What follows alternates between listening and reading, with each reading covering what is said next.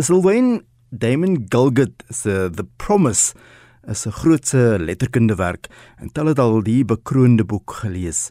Maar dit beteken dat gehore reeds 'n idee het oor die verhaal en byvoorbeeld die plek waar dit afspeel. Hoe sien jy die uitdaging om die regie van so 'n werk te doen en wel 'n verhoogverwerking van die bekroonde werk? I think that with a novel as popular as The Promise, which has been so lauded worldwide, of course, as the Booker Prize winner for 2021, people who have read the book are obviously going to have their own opinion on how things should look because that's the beauty of a book. It is so utterly subjectively received by the one reading it. And the person reading has free range of his own or her own imagination when it comes to reading and imagining what characters look like or how a place feels, etc. So, when transferring or transposing or adapting something like this novel to the stage, my job as director is to try and tap into a collective sense of what this book might have felt like to my cast members and I. And I guess that's the, the real challenge is to tap into the imaginative qualities that a novel offers the mind and not hold back as to what the imagination can uh, give rise to or give birth to in the stage rendition of it.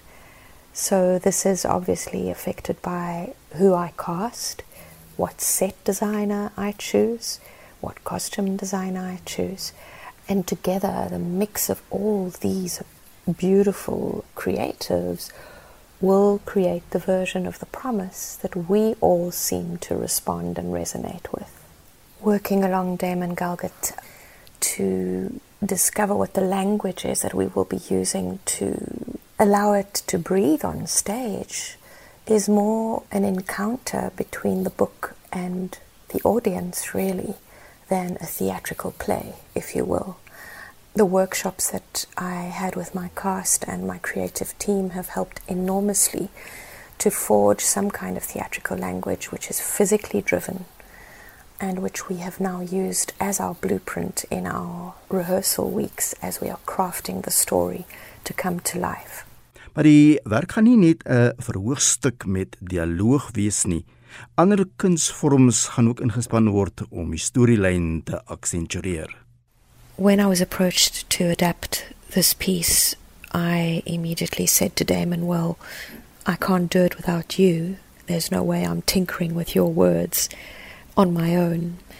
And that also uh, was the beginning of absolutely acknowledging that making theatre post COVID comes with a massive responsibility of imbuing it with meaning, magic, and hope and I knew that a book like The Promise needed all those elements in order to make it entertaining, in order to make it something different to the experience of reading the book, because reading a book and, and seeing a play are two completely different things, and yet we're dealing with the same story. So it all began really with putting my cast members together.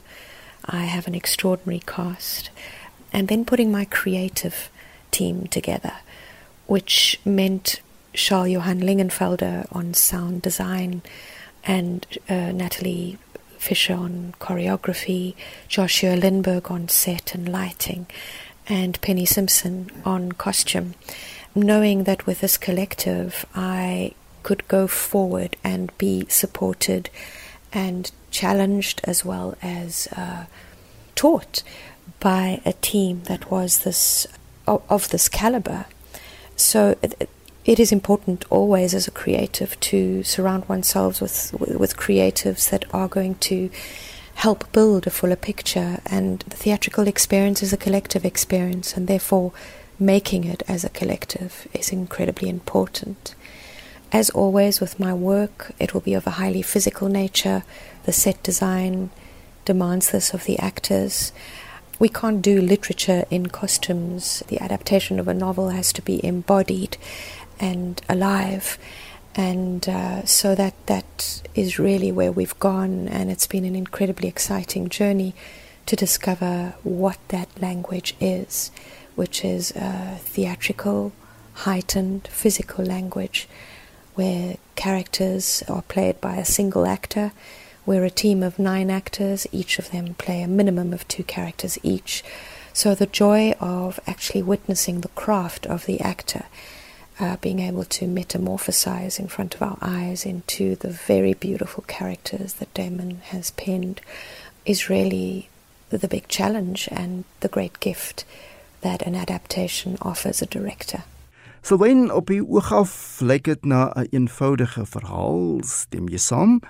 Maar dan is daar ook natuurlik talle temas wat die verhaal belig. En wat is van hierdie temas? I actually beg to differ. I don't think that the story is simple at first glance at all. I mean, one could break it down to a story that spans four decades in one family's life and that of their domestic workers. But it is so much more complex than that. Yes, it touches on themes of the have and the have nots. It touches on themes of apartheid South Africa and democratic South Africa. And I think where Damon has so successfully penned a story which has touched people all over the world and has been lauded as the Booker Prize of 2021 is no small coincidence because it, it is precisely dealing with themes that our society wishes to ignore the themes of greed, the themes of being unable to share what is rightfully another person's for fear of losing out. It tackles themes of death, it tackles themes of inter family relationships, relationships between siblings. It tackles the very complex themes in our own South African society, which are very relevant abroad as well racism, violence, the loss of self, really, and identity. So, telling this kind of story, and, and particularly a story that spans four decades, is a unique challenge to me as a theatre maker, as we have to capture a sense of hope, but also a sense of futility around going around and around in circles, which seems to be our um, main behavior as human beings. Ek gesels nou verder met Albert Pretorius. Watter rol speel jy in die werk en hoe sien jy die rol?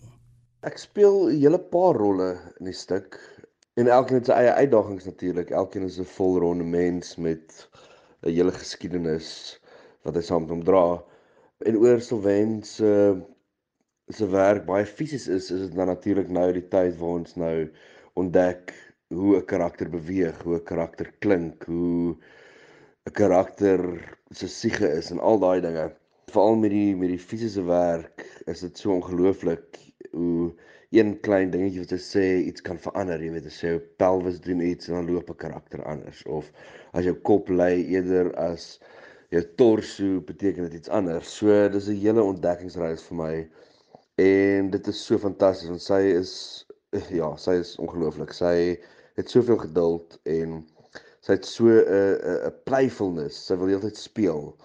En om te kan speel en al hierdie goed ontdek sonder om te voel dat jy fout maak of dat jy iets verkeerd doen is is so wonderlik. Ehm um, so ek sien baie uit om nog al hierdie hierdie karakters te heeltemal te ontdek. Mense het altyd 'n idee van wat die karakters is en goed en dis ek met so wonderlik is om 'n proses te kan hê waar mens elkeen waarlik um, ontgin. Wat beteken die ervaring vir jou om met 'n pryswennende internasionale skrywer te werk? Ja, dit beteken verskriklik baie om deel te wees van hierdie projek. Toe ek die rol gekry het, kon ek amper my ore nie glo nie.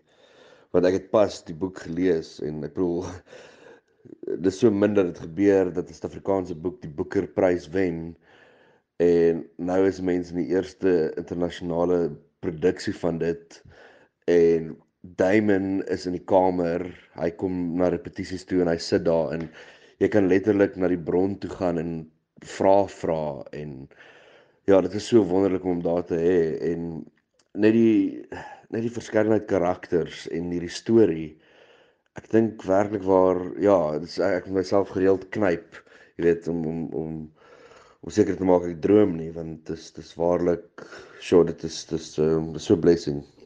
Die produksie is nie 'n gewone verhoogdrama nie. Daar is musiek en selfs danswerk ook.